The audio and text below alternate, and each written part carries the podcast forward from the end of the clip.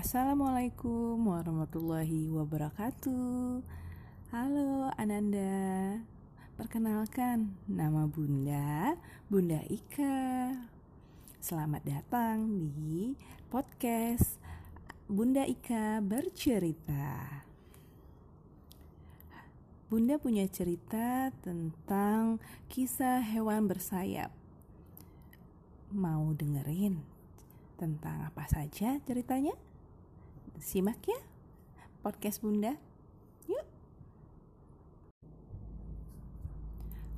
Ananda tahu elang peregrine? Elang peregrine dalam bahasa Indonesia disebut alap-alap kawah. Burung yang memiliki nama latin Falco peregrinus ini dijuluki burung tercepat di dunia. Alap-alap kawah memiliki sayap yang sempit dan berbentuk segitiga, sehingga bisa terbang cepat dan efisien kecepatannya uh, terbang bisa mencapai 320 km per jam loh. Burung-burung alap kawah juga termasuk hewan yang mudah beradaptasi di berbagai jenis tempat. Mereka bisa tinggal di hutan, pegunungan, pinggir laut, daerah pertanian, bahkan daerah perkotaan. Bunda, ada cerita nih tentang Rego si elang peregrine. Mau dengerin? Ayo simak podcast Bunda berikut ini. Rego pasti bisa. Rego adalah seekor anak burung elang peregrine. Meskipun masih kecil, Rego sudah mahir terbang. Rego dan keluarga besarnya memang mampu terbang cepat dibanding burung lainnya. Hari itu, Rego ikut ayahnya berburu ular di padang rumput. Ketika sedang asik mengamati sekitar, Rego terpeleset dari dahan pohon yang licin. Sayapnya membentur dahan sebelum Rego turun ke permukaan tanah. Aduh, teriak Rego kesakitan. Rego, kamu tidak apa-apa, tanya ayahnya muncul dari balik padahan. Sepertinya sayapku terkilir ya, jawab Rego sambil meringis. Oh, tidak masalah, nanti juga sembuh, ujar ayahnya menghibur. Rego masih meringis.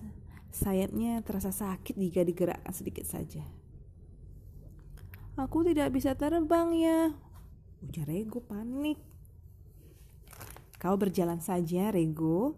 Sarang kita kan tidak jauh dari sini, ujar ayahnya. Hari-hari berlalu, Rego masih tidak bisa terbang. Ia hanya beristirahat di sarangnya.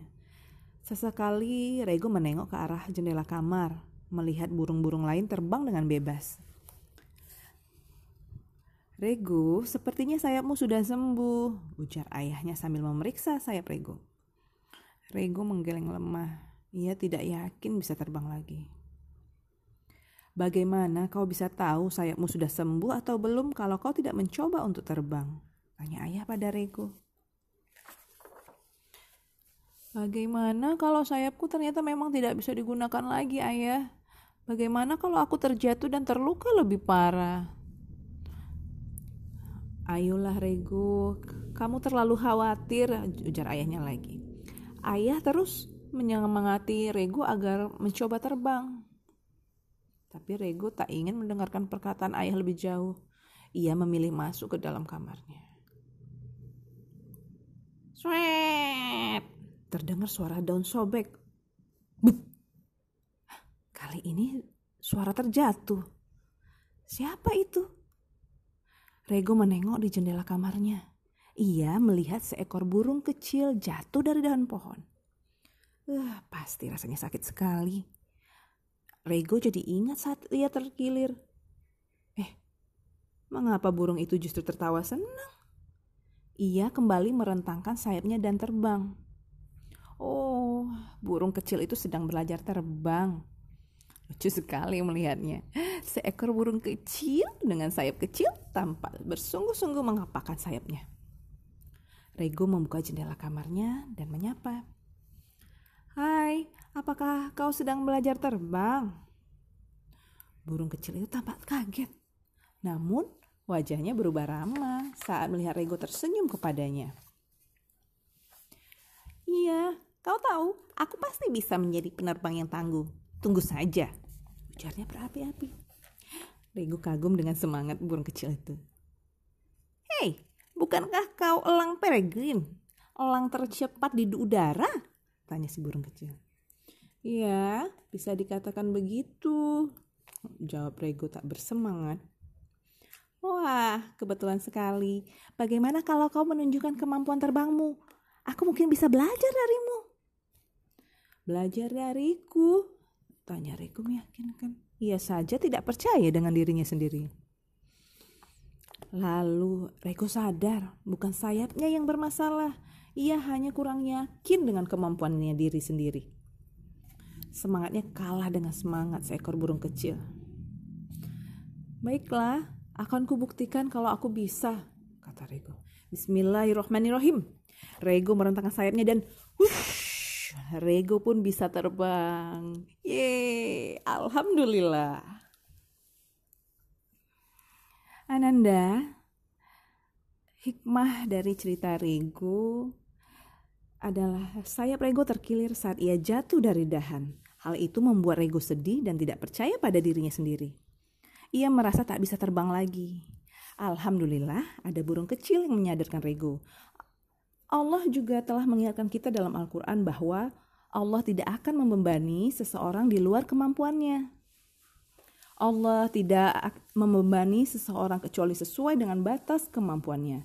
Surah Al-Baqarah ayat 286. Demikian cerita tentang Rego. Semoga Ananda dapat memetik hikmah dari cerita tersebut. Sampai jumpa lagi di podcast Bunda Ika bercerita. Assalamualaikum warahmatullahi wabarakatuh. Tatanan baru beradaptasi dengan COVID-19 oleh STOK Binaguna. Are you ready? Lindungi diri Anda dengan memakai masker, terutama ketika berada di luar ruangan. Selalu cuci tangan Anda dengan air dan sabun atau hand sanitizer. Cek suhu tubuh Anda. Apabila suhunya 37,5 derajat Celcius, sebaiknya jangan keluar rumah. Jaga jarak minimal 1 meter dari orang di sekitar Anda. Lakukan olahraga ringan di rumah agar tubuh tetap fit. Makan makanan yang bergizi, ikuti pedoman gizi seimbang. Banyak minum air, terutama air putih hangat, dan kurangi minuman dingin. Jauhi kerumunan, jangan keluar rumah jika tidak ada kepentingan. Bila sakit, segera berobat atau hubungi dokter Anda. Dan jangan lupa untuk daftar di website STOK Binaguna. Klik www.stokbinaguna.ac.id. STOK Binaguna, kami bina, kami guna. Tatanan baru beradaptasi dengan COVID-19 oleh STOK Binaguna. Are you ready? Lindungi diri Anda dengan memakai masker, terutama ketika berada di luar ruangan. Selalu cuci tangan Anda dengan air dan sabun atau hand sanitizer.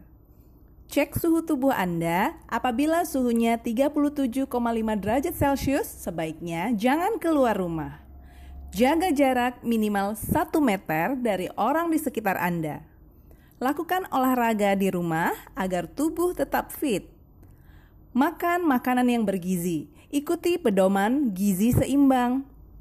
Banyak minum air, terutama air putih hangat, dan kurangi minuman dingin. Jauhi kerumunan, jangan keluar rumah jika tidak ada kepentingan. Bila sakit, segera berobat atau hubungi dokter Anda. Dan jangan lupa untuk daftar di website STOK Binaguna.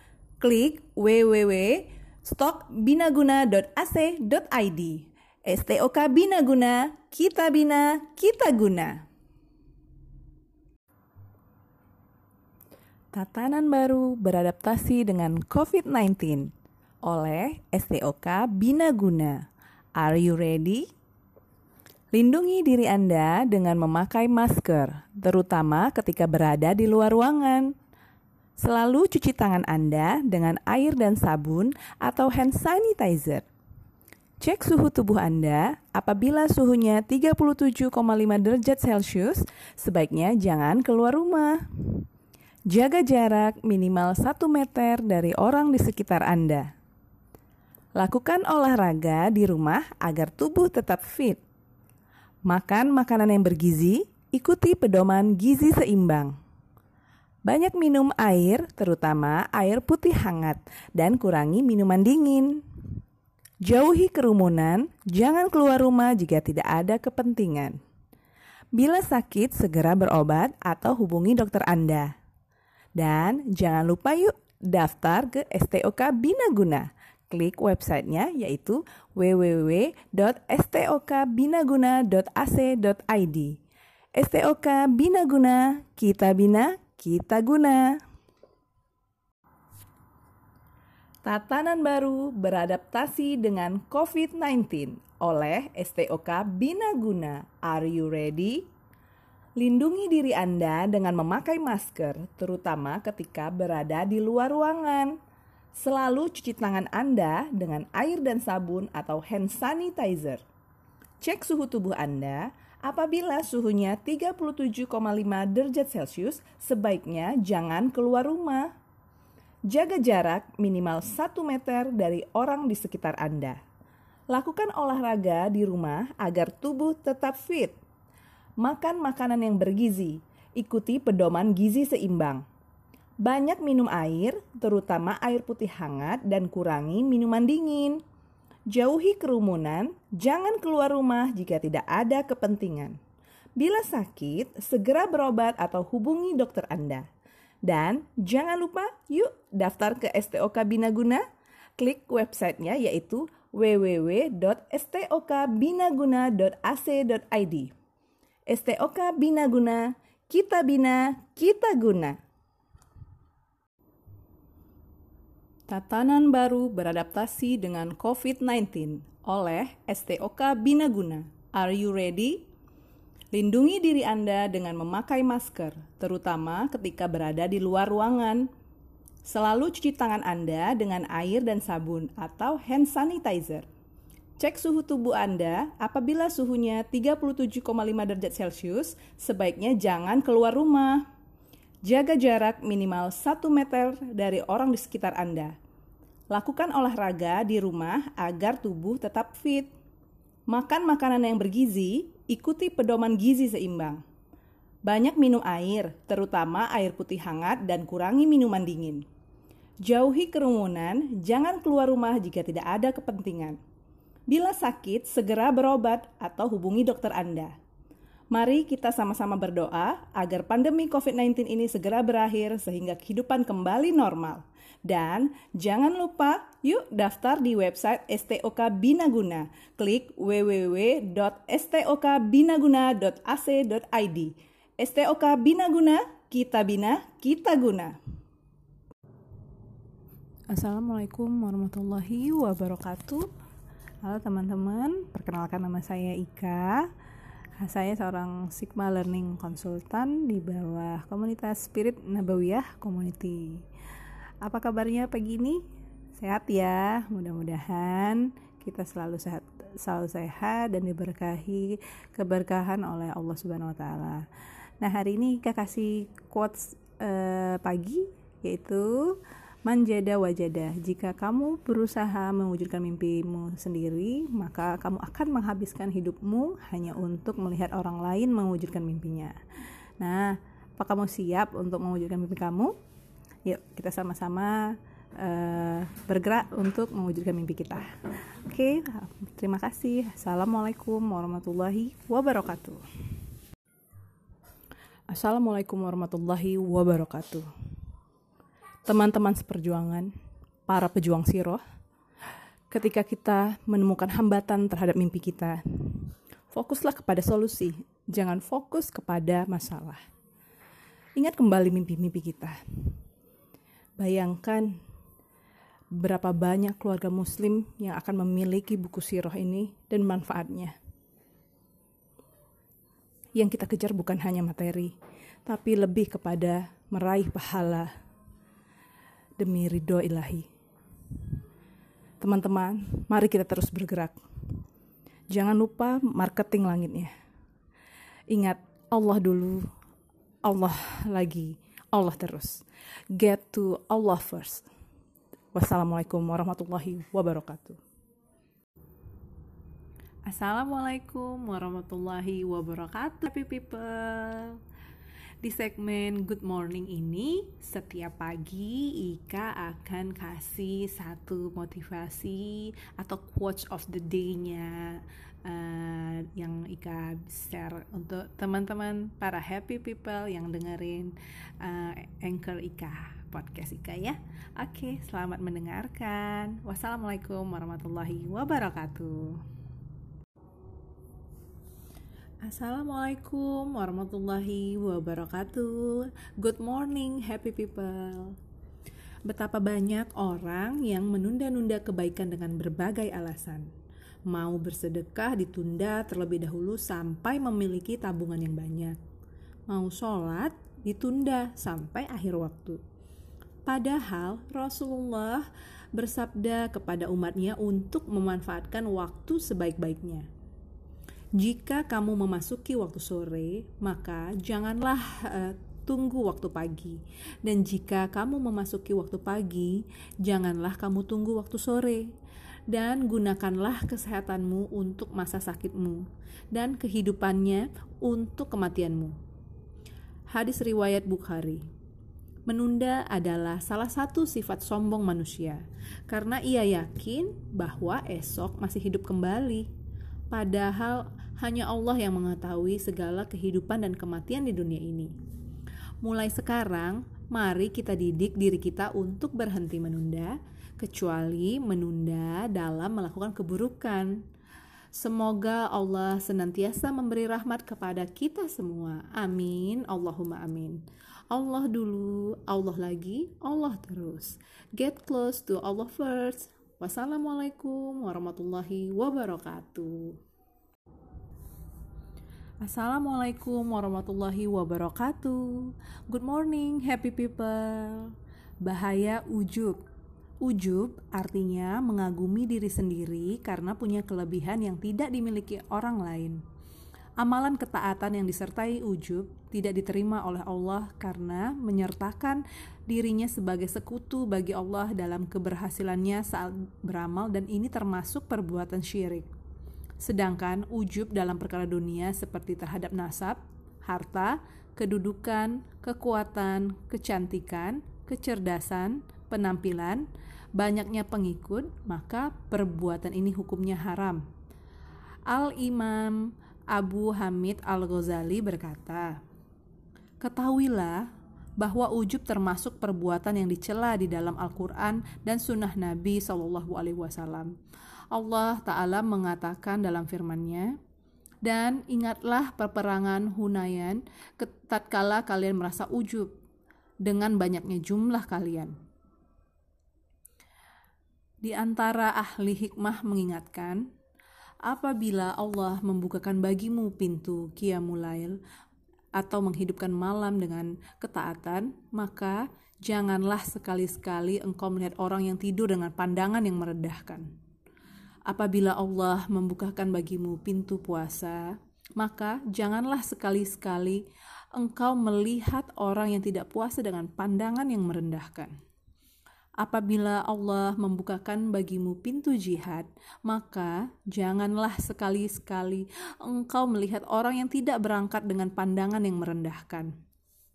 Karena boleh jadi orang yang tidur, tidak puasa, tidak berangkat jihad lebih dekat kedudukannya di sisi Allah dibandingkan dirimu.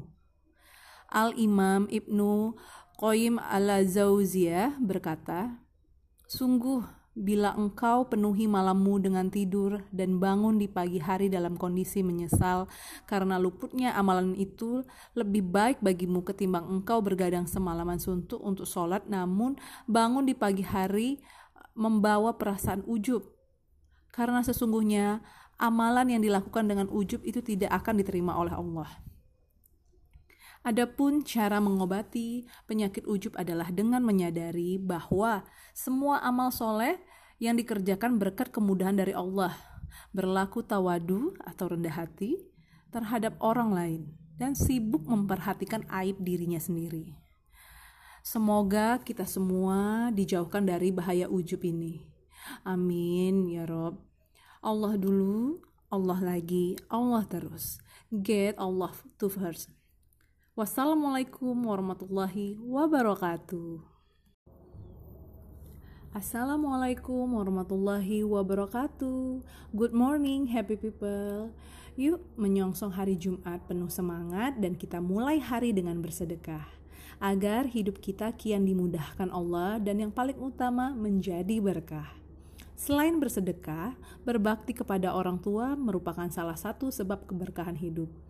Bahkan seorang anak yang mau berbakti kepada orang tuanya akan mendapatkan pahala yang sangat besar dalam sebuah hadis, Rasulullah pernah menyebutkan bahwa ada satu pintu khusus masuk ke surga yang disediakan untuk orang-orang yang berbakti kepada orang tua. Kedua orang tua itu adalah pintu surga yang paling tengah.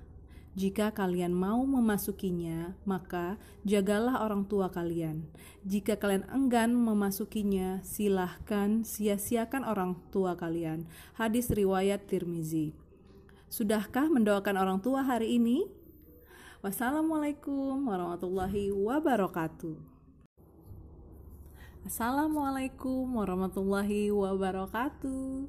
Good morning, happy people. Dan Tuhanmu berfirman, Berdoalah kepadaku, niscaya akan kuperkenankan bagimu.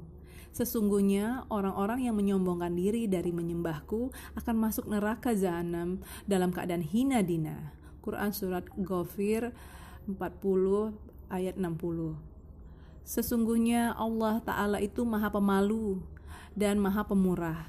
Allah Ta'ala malu kepada hambanya yang mengangkat kedua tangannya kepadanya, namun kembali dalam keadaan kosong, yaitu tidak dikabulkan. Hadis riwayat Tirmizi. Karena setiap doa yang kita tujukan kepada Allah Ta'ala adalah ibadah yang mendekatkan diri kita kepada Allah Ta'ala dan menambah pahala. Yuk, perkuat diri kita dengan melangitkan doa. Allah dulu, Allah lagi, Allah terus. Get close to Allah first. Wassalamualaikum warahmatullahi wabarakatuh. Assalamualaikum warahmatullahi wabarakatuh. Good morning, happy people. Pagi ini, sudahkah kita mengeja syukur kepadanya? Berucap Alhamdulillah atas limpahan nikmat hidup atas diri kita. Dan sungguh telah kami berikan hikmah kepada Lukman, yaitu bersyukurlah kepada Allah. Dan barang siapa bersyukur kepada Allah, maka sesungguhnya dia bersyukur untuk dirinya sendiri. Dan barang siapa tidak bersyukur atau kufur, maka sesungguhnya Allah Maha Kaya, Maha Terpuji. Quran Surat Luqman ayat 12 Semoga kita semua bisa terus mendidik diri dan keluarga kita menjadi pribadi-pribadi yang bersyukur dengan mendekat, semakin dekat, lebih dekat kepada Allah. Allah dulu, Allah terus, Allah lagi. Get close to Allah first. Wassalamualaikum warahmatullahi wabarakatuh. Assalamualaikum warahmatullahi wabarakatuh. Good morning happy people. Surga dengan segala keindahan dan keelokannya memiliki banyak pintu masuk. Masing-masing pintu mempunyai nama-nama sendiri sesuai karakter yang akan memasukinya. Seperti sabda Rasulullah Shallallahu Alaihi Wasallam, Siapa yang selalu mendirikan sholat akan dipanggil dari pintu sholat. Siapa yang ikut berjihad, ia akan dipanggil dari pintu jihad. Dan barang siapa yang selalu melaksanakan puasa akan dipanggil dari pintu yang memancarkan air yang segar atau arayan. Dan barang siapa yang selalu memberikan sedekah akan dipanggil dari dipanggil dari pintu sedekah. Hadis riwayat Bukhari. Lantas, bagaimana nasibnya dengan orang-orang yang tidak mempunyai amalan andalan? Berpuasa sering malas, sholat sering lalai, berjihad tidak ikut, Beribadah sering enggan, berdakwah tidak mau. Lalu mereka berangan-angan pula hendak masuk surga. Surga itu mahal, mustahil untuk didapatkan dengan angan-angan. Mari kita mendekat dengan Allah. Allah dulu, Allah lagi, Allah terus. Get close to Allah first. Wassalamualaikum warahmatullahi wabarakatuh. Assalamualaikum warahmatullahi wabarakatuh. Good morning, happy people. Semangat Jumat berkah. Agar tak merugi, Ketika melakukan suatu amalan, hendaknya diimbangi dengan amalan yang baik lainnya.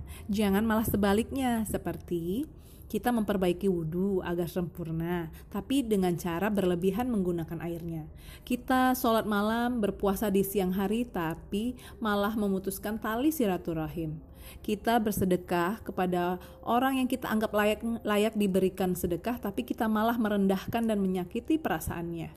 Kita berpakaian longgar dan menutup kepala, tapi tidak menjaga lisan dan sikap Jangan kumpulkan kebaikan-kebaikan di sebuah kantong yang berlubang. Susah payah mengumpulkan pahala, tapi dengan mudahnya kebaikan tersebut berguguran dengan sikap dan perbuatan kita sendiri. Saling mengingatkan kita ya di sini. Anggaplah orang lain lebih baik dari kita agar kita selalu belajar bersikap mulia terhadap sesama.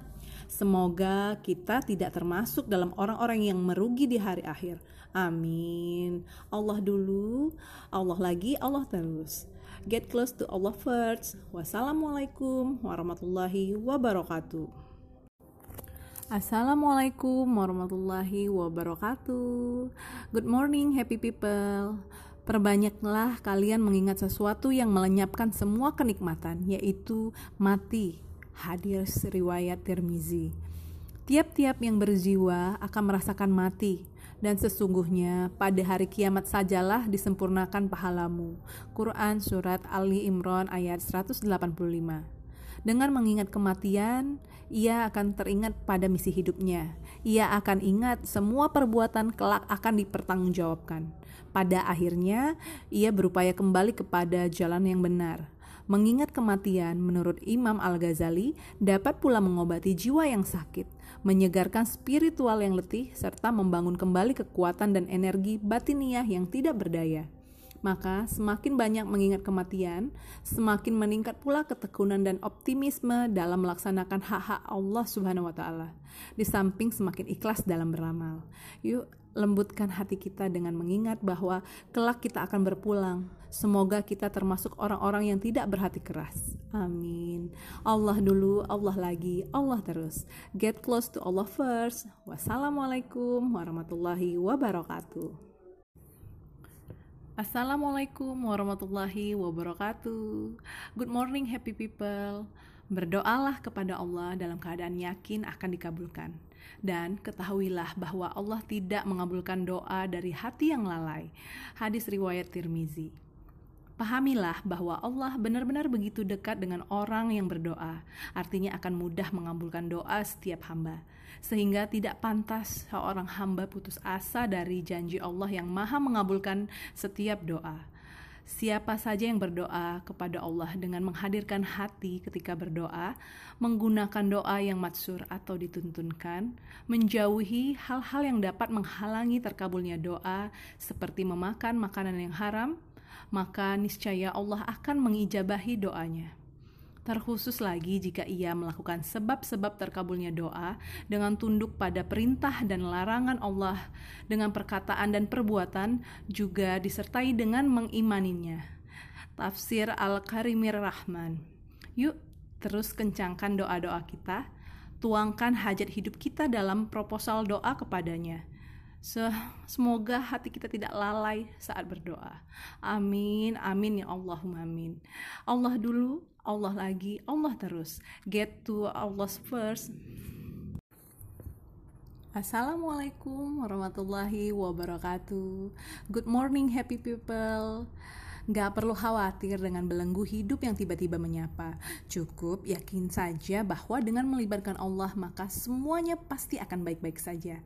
Karena jika kita selalu melibatkan Allah dalam setiap urusan kita, dalam setiap langkah kita, maka sudah pasti tidak akan ada hal yang tidak mungkin.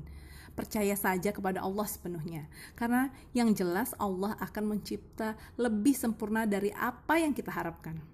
Karena apa pun itu, sesulit apa pun keadaannya, yang jelas Allah akan mencipta lebih sempurna dari yang kita harapkan. Jangan takut, sekalipun hal itu tidak mudah karena bagi Allah adalah hal mudah mengubah yang sulit menjadi mudah. Yuk, terus kencangkan doa-doa kita, tuangkan hajat hidup kita dalam proposal doa kepadanya.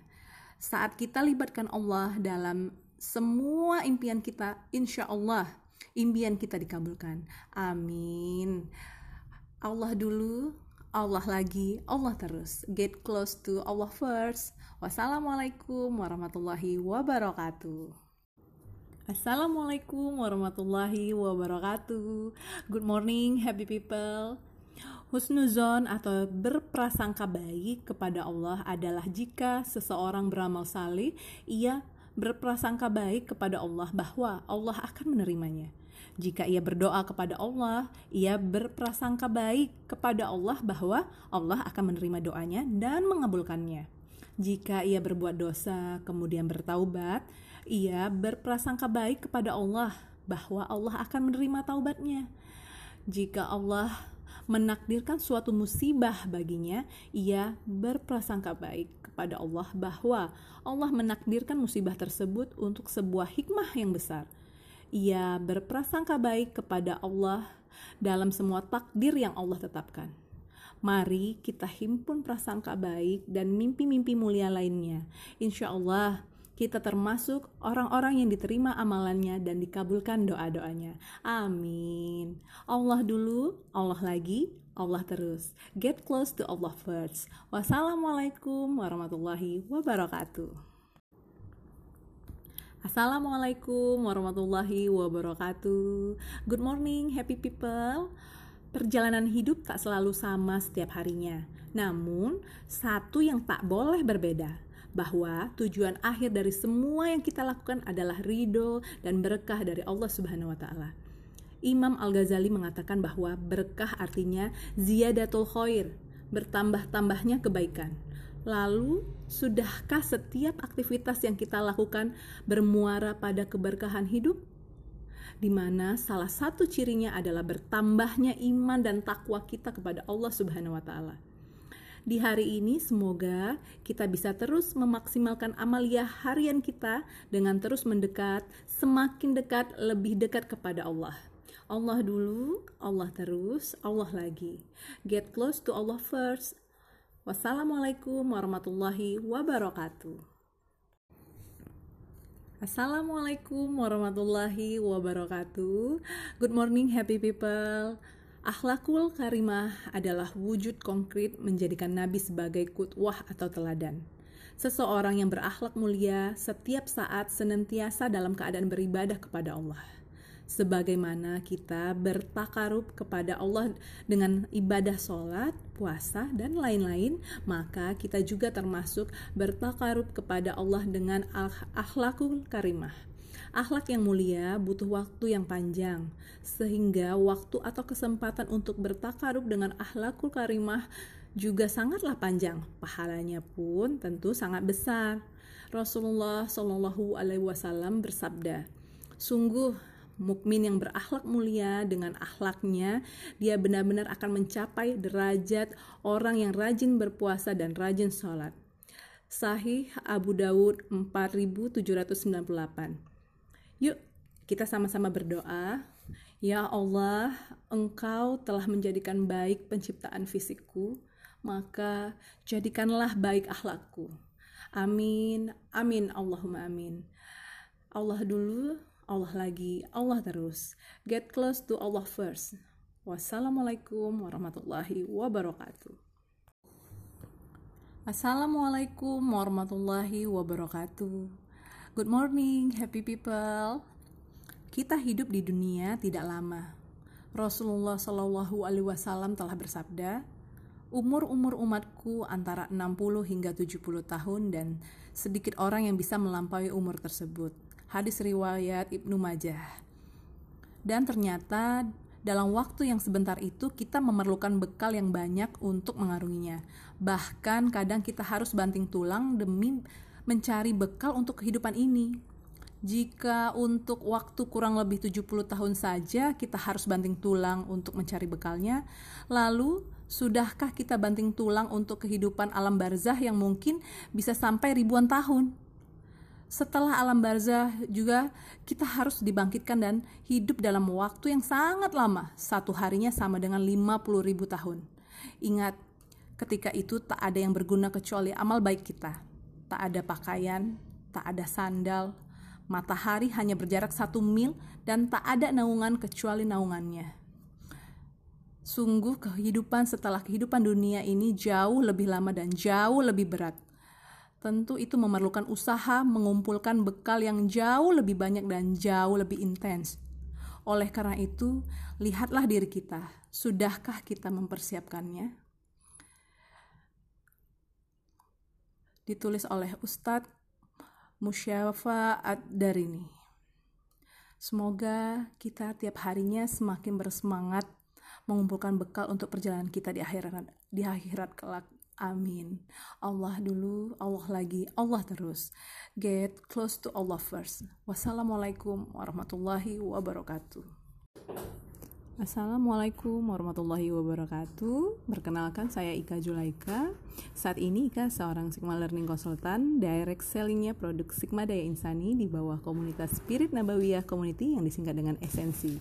Tak hanya memasarkan buku-buku sirah, Ika bersama-sama dengan komunitas Esensi juga turut serta membumingkan sirah dengan menjadi wakaf.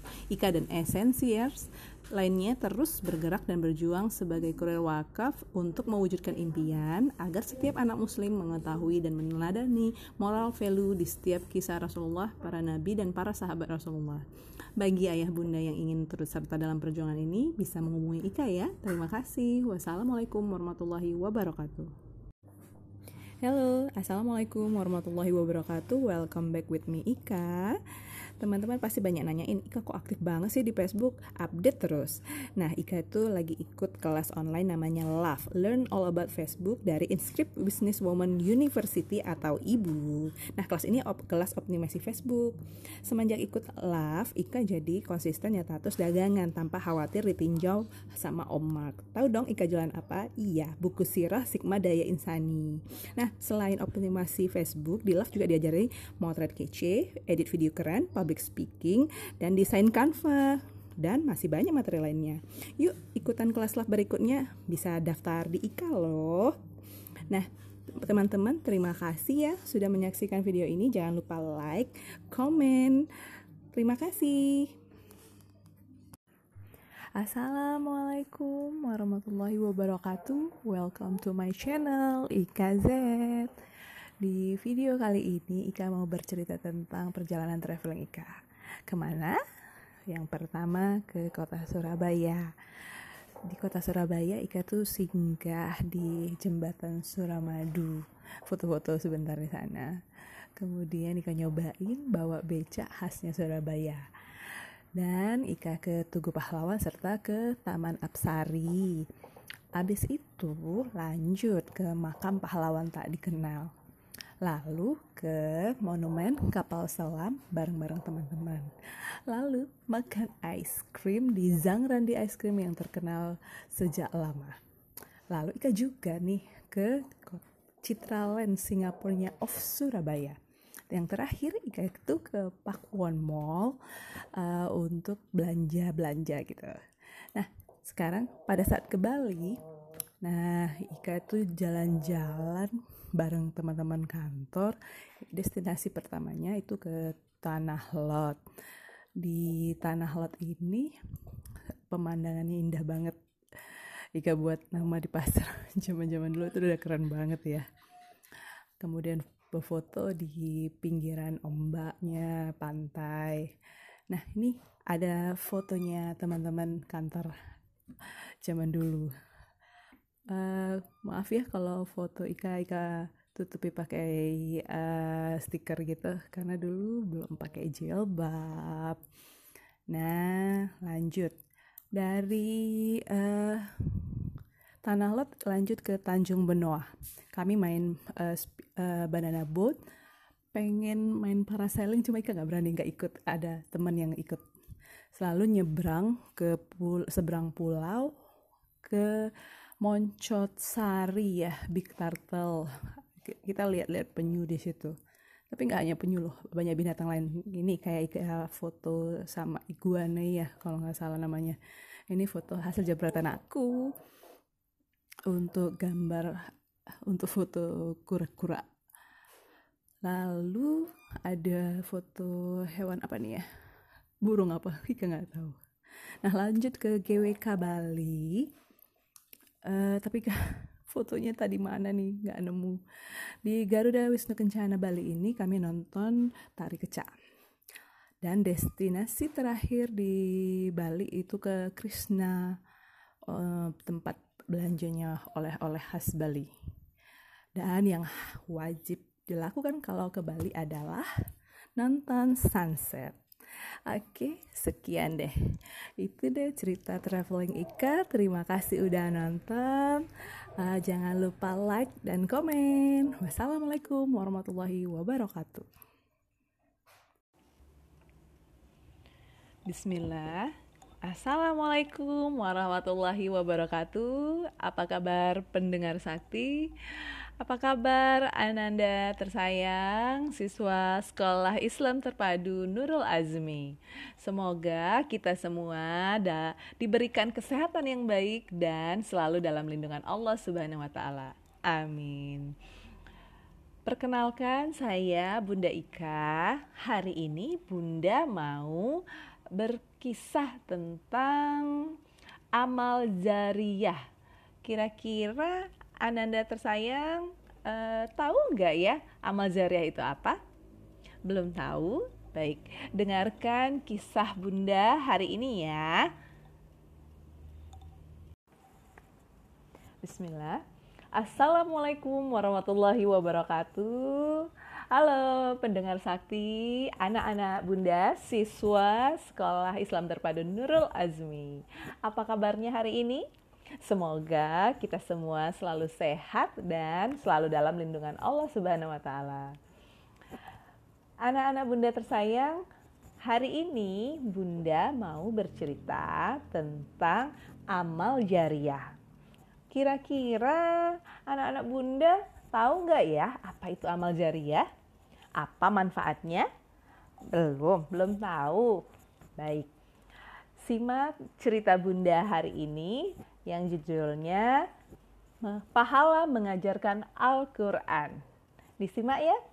Bunda Ika bercerita. Setelah sholat asar, Zaina bersiap mengaji. Baru saja Zaina duduk dan membaca Al-Quran, Aira datang. Aira adalah adik Zaina yang baru berumur tiga tahun. Mau, mau. Aira berusaha merebut Al-Quran Zaina. Adik, baca ini saja, kata Zaina mengambilkan buku cerita anak. Aira menggeleng. Zaina kesal. Ibu. Aira, sini sama ibu. Kakak mau mengaji, kata ibu sambil menggandeng tangan Aira.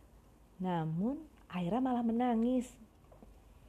Di pangku sebentar ya nak, terus baca bareng. Ibu akhirnya membujuk Zaina. Haa, jawab Aira lucu. Zaina pun mengikuti saran ibu. Ketika Zaina tilawah, Aira malah membolak-balik lembaran Al-Quran. Zaina tidak bisa konsentrasi. Hmm, nih, Zaina menyerahkan Al-Quran kepada Aira. Aku mengulang hafalan saja deh, ucap Zaina sambil melantunkan surat Ad-Duha. Waduha. Aira menirukan ucapan Zaina dengan suara yang masih cadel. Tak sampai lima menit, Aira meninggalkan Zaina, lalu bermain sendiri. akhirnya, akhirnya ia bisa tilawah Al-Quran dengan tenang. Keesokan harinya, lagi-lagi Aira rewel. Ia ingin ikut membaca Al-Quran bersama Zaina. Zaina, coba pangku Aira seperti kemarin. Sebentar saja kan? Zaina bersungut-sungut. Bu, masa tiap hari begini? Ini kan jam belajar Zaina, Bu. Tolong ya nak, daripada Aira rewel, marah, Zaina tidak bisa konsentrasi mengaji dan belajar. Kini Aira selalu minta dipangku ketika Zaina mengaji. Zaina menuruti saran ibu walaupun agak kesal. Suatu sore, Aira sedang bermain boneka sambil mengoceh sendiri. Tiba-tiba terdengar, Duha, lail saja. Eh, Zaina kaget mendengarnya. Aira baca surah Ad-Duha, Bu. Masya Allah, ibu pun seolah tak percaya. Barakallah Zaina, Aira hafal surah Ad-Duha karena selama ini menirukan Zaina saat mengaji. Ibu mengelus kepala Zaina. Terima kasih ya. Eh, iya ya. Zaina baru sadar, lalu tersenyum malu. Selama ini dia tak pernah punya niat mengajarkan Aira mengaji. Bahkan dia merasa terganggu bila Aira berada di dekatnya. Pahala orang yang mengajarkan Al-Quran banyak sekali loh. Zaina telah melakukannya. Puji ibu lagi. Zaina mengerutkan kening. Banyak sekali. Maksudnya apa bu? Setiap Zaya, setiap kali Aira membaca surat Ad-Duha, Allah akan mengalirkan pahala untuk Zaina karena Zaina yang mengajarinya. Pahala itu terus mengalir sampai Aira dewasa. Bener bu, sampai Aira dewasa, tua? Iya. Satu lagi, walaupun nanti Zaina sudah meninggal, ketika Aira membaca surat Ad-Duha, pahala Zaina tetap tak terputus. Zaina menganga, Masya Allah, ucapnya kagum. Itulah yang dinamakan amal jariah. Amalan yang tetap menghasilkan pahala walaupun yang melakukan sudah meninggal. Jelas ibu. Zainab mengangguk-angguk. Tiba-tiba ia tersenyum lebar. Kalau begitu, Zaina akan mengajari Aira surat Al-Fatihah. Kan Al-Fatihah dibaca setiap hari ketika sholat. Jadi paling tidak Aira akan membaca Al-Fatihah 17 kali dalam sehari. Cerdas, kata ibu. Sekarang tak pernah ada lagi keributan saat Zaina mau mengaji. Ibu bahagia sekali melihat suasana damai ini. Ibu, Zaina ingin menjadi guru biar bisa mengajarkan ilmu bermanfaat kepada banyak orang. Ucap Zaina seusai mengaji. Masya Allah, cita-cita yang mulia sekali nak. Barakallah.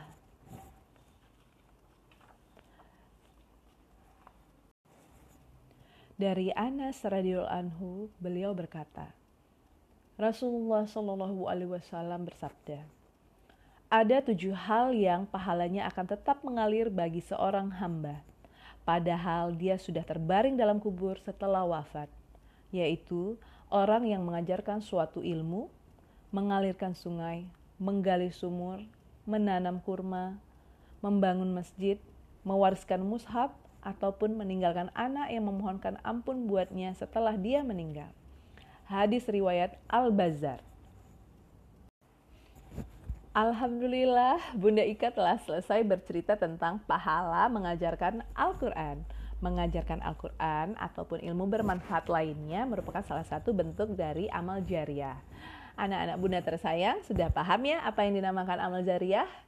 Ayo kita lakukan, mari kita hebat menghebatkan sekian dulu untuk uh, cerita Bunda hari ini. Nantikan cerita Bunda yang lainnya ya. Terima kasih sudah mendengarkan. Wassalamualaikum warahmatullahi wabarakatuh. Ayo, kita baca buku apa? Baca semut. Baca semut, buku sainsku.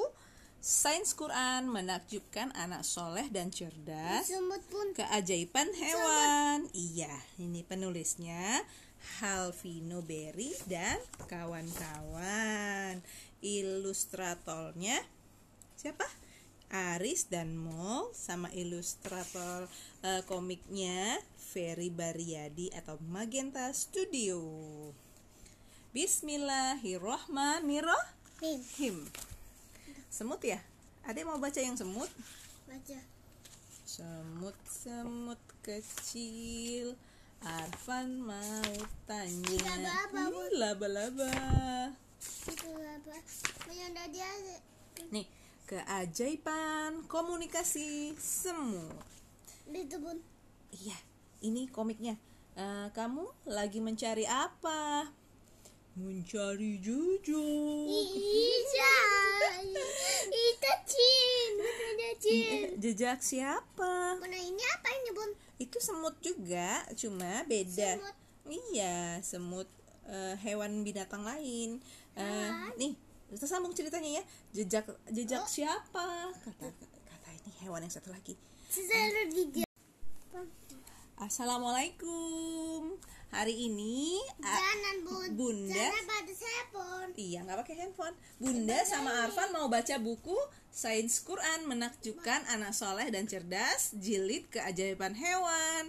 Penulisnya Halvino Berry dan teman-teman. Kemudian ilustratornya Aris dan Mol, ilustrator eh, komiknya Ferry Baryadi dari Magenta Studio. Ada semut yuk bun. Ayo ayo ya semut kita cari yuk semut. Bun ada ular bun. Mana ular? Iya. Ih, tatut. Tuh, Ini, bun, ini, apa ini bun? Itu rayap, nak. Apa ini bun? Rayap, hewan rayap. Ayo, ayo kita cari semutnya yuk. Bun apa ini bun? Ular. Ular. Iya, Tua ular. tua tua. Iya, kura-kura. Tadi ada satu tua itu. Iya. Itu. Komodo itu orang hutan. Hitam. Iya. Ya apa bun? Ih, laba-laba. Spiderman.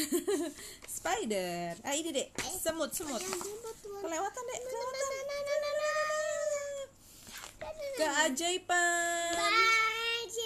Komunikasi se Yes. semut. Sama Semut. Ini ada hewan yang nanya sama semutnya. Kamu lagi mencari apa? Mencari jejak. Harus kejadian nak. Jejak siapa? Jejak teman-temanku. Tanya, "Hah? Aku tertinggal dari teman-temanku. Bagaimana kamu menemukan mereka? Kami, bangsa semut, biasa meninggalkan aroma khusus. Aroma i, aroma kimia ini disebut feromon. Nah, aku harus melacak aroma ini.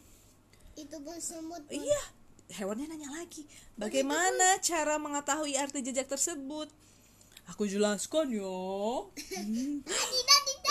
Ujung antena pada kepala kami berfungsi untuk menerjemahkan aroma itu.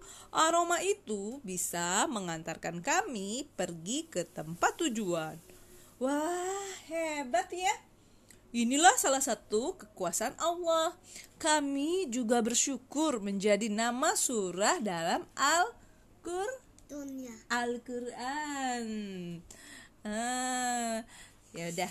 Eh, Dek, Dek, kita baca deh semutnya nih, tau nih. Semut itu hidupnya berkoloni, berkelompok. Iya, dia banyak loh, Dek. Dia rame-rame tinggalnya berkoloni. Itu? Itu semut juga. Ini kepala semut. Pada kepala semut ada banyak organ sensor Itu seperti serangga itu, lainnya. itu. Iya, Itu yang besar itu. iya besar. Ih. Semut Itu tuh, memiliki itu. iya mata majemuk. Eh, lihat dulu, Dek. Di semut ini, semut, mempunyai mata majemuk yang terdiri dari atas kumpulan lensa mata yang lebih kecil. Kecil aja. Iya, apa? banyak kan? Hmm. Itu itu. Semut ada antena, antenanya. Antena semut untuk be- berkomunikasi satu sama lain. Itu yang Mendeteksi feromon yang dikeluarkan oleh semut lain juga gitu loh, Dek. udah. Iya. Iya. Nah, penglihatan semut kebanyakan penglihatan mereka buruk. Bahkan ada yang beberapa buta. Semut. Ini jenis-jenisnya, Dek. Apa? Eh, semut dikenal dengan koloni dan sarang-sarang yang teratur. Dalam satu koloni bisa terdiri dari ribuan semut. Setiap semut mematuhi sistem kasta yang ada. Sistem kasta dalam koloni terbagi Bun, menjadi tiga. Iya nih dek. Oh? Iya. Ini tengok nih ada semut ratu, semut prajurit dan semut pekerja. Tadi ada ulan. Iya. Tadi ada satu tuan. Iya. Nih ada tugas ratu semut. Semut ulan dek. Betul. Iya. Semut ulan. Iya. Tapi itu semut bun. Iya semut. Masya Allah. Mas awal. Tengok nih dek. Eh, ada banyak hikmah dari penciptaan semut bagi manusia. Semut mengajarkan keulutan dalam bekerja, disiplin, kerukunan dalam hidup, kerjasama atau gotong royong, serta selalu beribadah kepada Allah Subhanahu wa Ta'ala. Mereka sangat waspada terhadap bahaya. Mereka akan berusaha membantu sesamanya jika ada bahaya yang datang. Itulah sifat semut yang patut kita tiru. Maha besar Allah Subhanahu wa taala yang telah mengilhamkan sifat-sifat baik ini pada semut. Oke. Dadah. Ya. Tadi. Bun. Assalamualaikum. Hari ini Jangan bun. Bunda Jangan. Iya nggak pakai handphone. Bunda sama Arfan mau baca buku Sains Quran menakjubkan anak soleh dan cerdas jilid keajaiban hewan. Penulisnya Halvino Berry dan teman-teman. Kemudian ilustratornya Aris dan Mol, ilustrator eh, komiknya Ferry Baryadi dari Magenta Studio. Ada semut yuk bun. Ayo ayo semut kita cari yuk Bun semut. yang tadi ada ular bun. Mana ular? Iya. Ih, tatut. Itu Ini, bun ini, apa ini bun? Itu rayap, nak. Apa ini bun? Rayap, hewan rayap. Ayo kita cari semutnya yuk. Bun apa ini bun? Ular. Ular? Iya, Tua ular. tua tua. Iya, kura-kura. Tadi ada satu tua itu. Iya. Itu. Komodo itu orang hutan. Hitam. Iya. Ya apa bun? Ih, laba-laba. Spiderman. Spider. Ah, ini, Dek. Semut, semut. Bun. Kelewatan, Dek. Kelewatan. Nah, nah, nah, nah, nah. Keajaiban. Baje. Komunikasi se Yes. semut. Semut. Semut.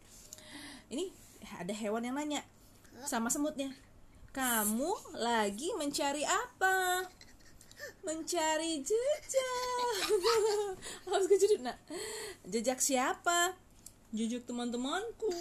Tanya. "Hah, Aku tertinggal dari teman-temanku. Bagaimana kamu menemukan mereka? Kami, bangsa semut, biasa meninggalkan aroma khusus. Aroma i, aroma kimia ini disebut feromon. Nah, aku harus melacak aroma ini. Itu bun semut. Iya, hewannya nanya lagi. Bagaimana cara mengetahui arti jejak tersebut? Aku jelaskan ya. Tidak tidak. Ujung antena pada kepala kami berfungsi untuk menerjemahkan aroma itu. Aroma itu bisa mengantarkan kami pergi ke tempat tujuan. Wah, hebat ya. Inilah salah satu kekuasaan Allah. Kami juga bersyukur menjadi nama surah dalam Al-Qur'an. Al-Quran. Ah, ya udah. Eh, Dek, Dek, kita baca deh semutnya nih, tau nih. Semut itu hidupnya berkoloni, berkelompok. Iya, dia banyak loh, Dek. Dia rame-rame tinggalnya berkoloni. Itu bun. Apa ini bun? Itu semut juga. Ini kepala semut. Pada kepala semut ada banyak organ sensor Itu bun, seperti bun, bun, serangga lainnya. Iya, Itu yang besar itu. iya besar. Ih. Semut Itu tuh, memiliki itu. iya mata majemuk. Eh, lihat dulu, Dek. Di semut ini, semut, mempunyai mata majemuk yang terdiri dari atas kumpulan lensa mata yang lebih kecil. Kecil aja. Iya, banyak kan? Hmm. Itu itu. Semut ada antena, antenanya. Antena semut untuk be- berkomunikasi satu sama lain. Itu yang Mendeteksi feromon yang dikeluarkan oleh semut lain juga gitu loh, Dek. udah. Iya. Iya. Nah, penglihatan semut kebanyakan penglihatan mereka buruk. Bahkan ada yang beberapa buta. Semut bun. Ini jenis-jenisnya, Dek. Apa? Eh, semut dikenal dengan koloni dan sarang-sarang yang teratur. Dalam satu koloni bisa terdiri dari ribuan semut. Setiap semut mematuhi sistem kasta yang ada. Sistem kasta dalam koloni terbagi Bun, menjadi tiga. Iya Bun, nih dek. Oh, bun, ini siapa bun? Iya. Ini nih ada semut ratu, semut prajurit dan semut pekerja. Tadi ada ulan.